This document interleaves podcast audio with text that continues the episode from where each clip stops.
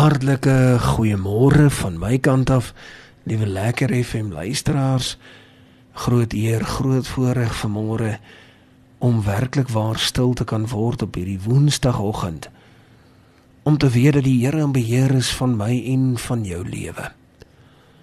Daar is geen ander wat in beheer is van ons lewe behalwe net die koning van alle konings. En hoe wonderlik om vandag te kan sê Here ek ek hoef nie te te stry nie u stry die stryd vir my. Woord van die Here sê dit vir ons duidelik dat ons dit nie nodig om die stryd self aan te sê of om 'n stryd self te voer nie. Nee, ons het nie nodig nie. Ons kan doeteenvoudig net besluit om te sê Here, wil U nie asseblief vir my bystaan nie?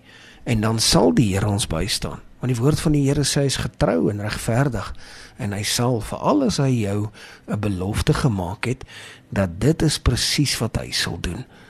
Hoe wonderlik is die gedagte dat die Here altyd maar altyd daar is.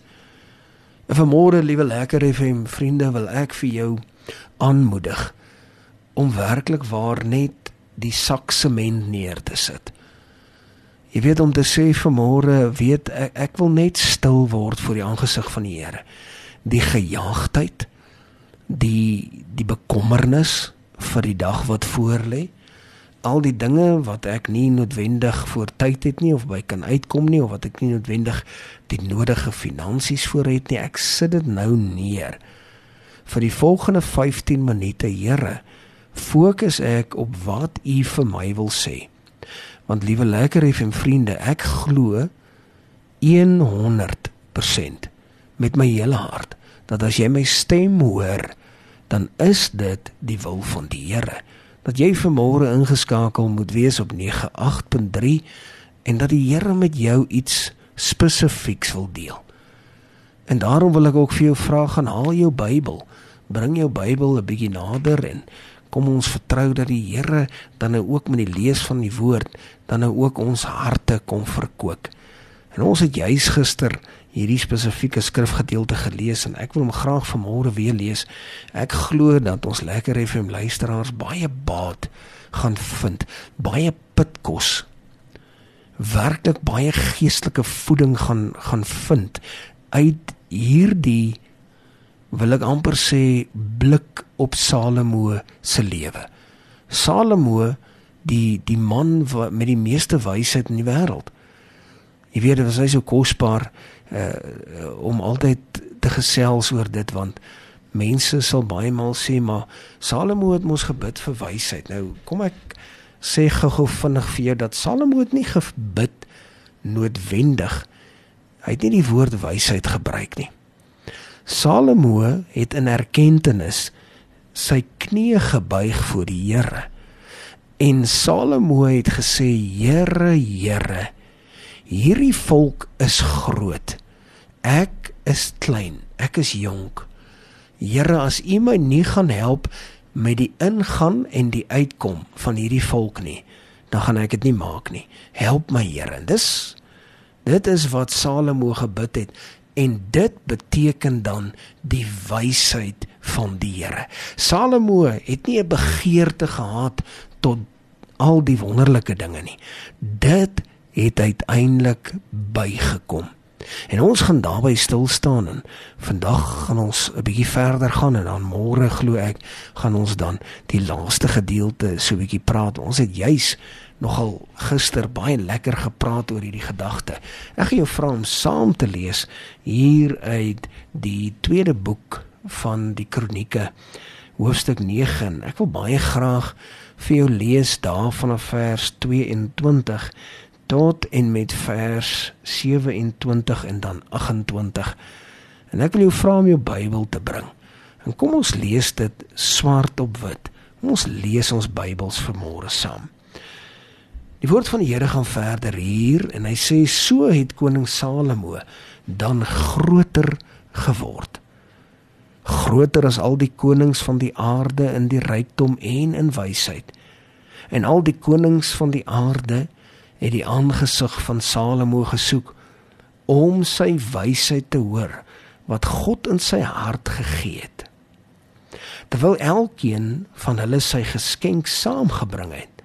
Silwer voorwerpe en goue voorwerpe en klere, wapens en speserye, perde en myle jaar vir jaar.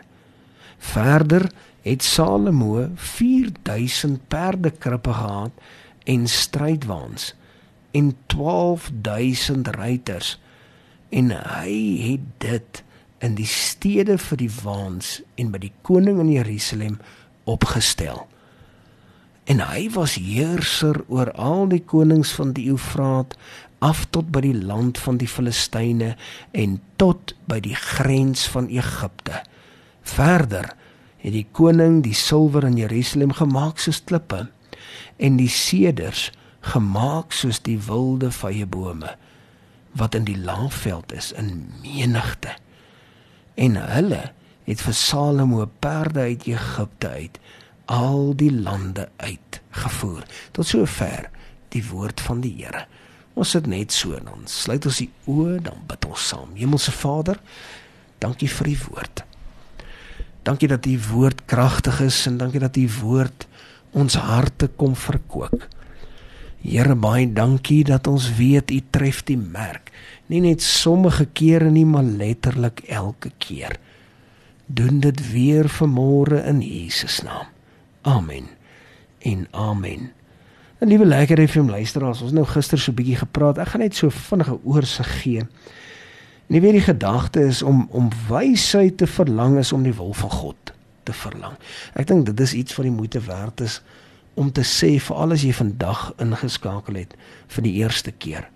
Sy wil die Here se wil is om te vra Here, wat wil U hê?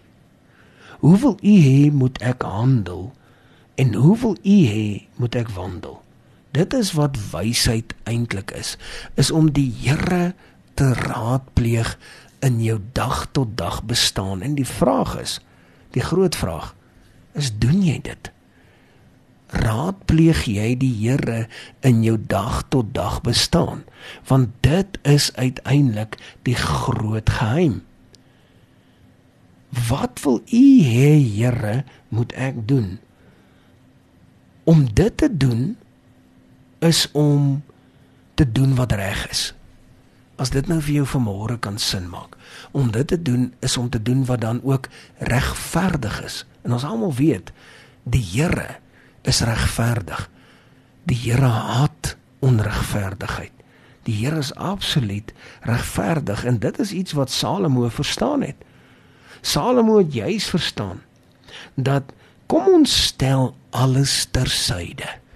Kom ons stel alle stemme tersyde. Alle gedagtes, alle opinies, alles wat ek in my menswees dalk dink moet so wees of moet gebeur of moes al gebeur het, stel dit tersyde vir al my eie verstand. En dan sê ek, Here, Here, wat wil U hê moet gebeur? En weet jy wat, liewe lekker FM vriende, en, en ek wil dit nou regtig stadig sê dat ons dit vandag baie fyn verstaan. Dit is om eer vir die Here in te bou voorafgaande. As jy sê Here, niemand se stem tel nie, nie eens my eie verstand nie, net u stem. Wat is dit wat u wil hê moet gebeur? Dan bou jy eer vooraf in. Eintlik mos nou proaktief bou jy die eer in en as 'n mens nou gaan kyk na Salomo dan besef ons dat Salomo was 'n meester daarin. Hy was juis 'n meester om eer vooraf in te bou want hy het die Here aanvanklik gevra Here ek kan nie hierdie volk lei as U my nie help nie en hy het die huis van die Here gebou tot eer en verheerliking van die Here en as jy so groot taak aangepak het dan is dan moet die eer en verheerliking na die Here toe gaan die hele tyd. En ek sou sê dis baie wys en slim. Dis baie slim om om eer voorafgaande in te bou dat jy seker maak al die eer kom juis by die Here uit. Geen mens kan op sy eie slim wees nie. Liewe lekker FM luisteraars, ek het al so baie mense ontmoet in my lewe wat regtig waar dink hulle hulle is hulle is nou hulle is slim. En dan is hulle slim. Jy kan hoor hulle weet waarvan hulle praat. Maar dan dink hulle hulle is so slim dat hulle op hulle eie twee bene kan staan en funksioneer terwyl die Here die een is wat selfs die asem gee wat jy inasem. En wanneer jy dit besef, dan besef jy 'n hele paar dinge. Dan besef jy hoekom Moses en Aaron gestraf is om nooit die beloofde land te sien nie. En ons almal weet wat daar gebeur het. Ek meen die volk het gemurmureer, gekla, te kere gegaan. Hulle gesê, "Jong, ons het nie water nie. Ons is dors, ons is dors."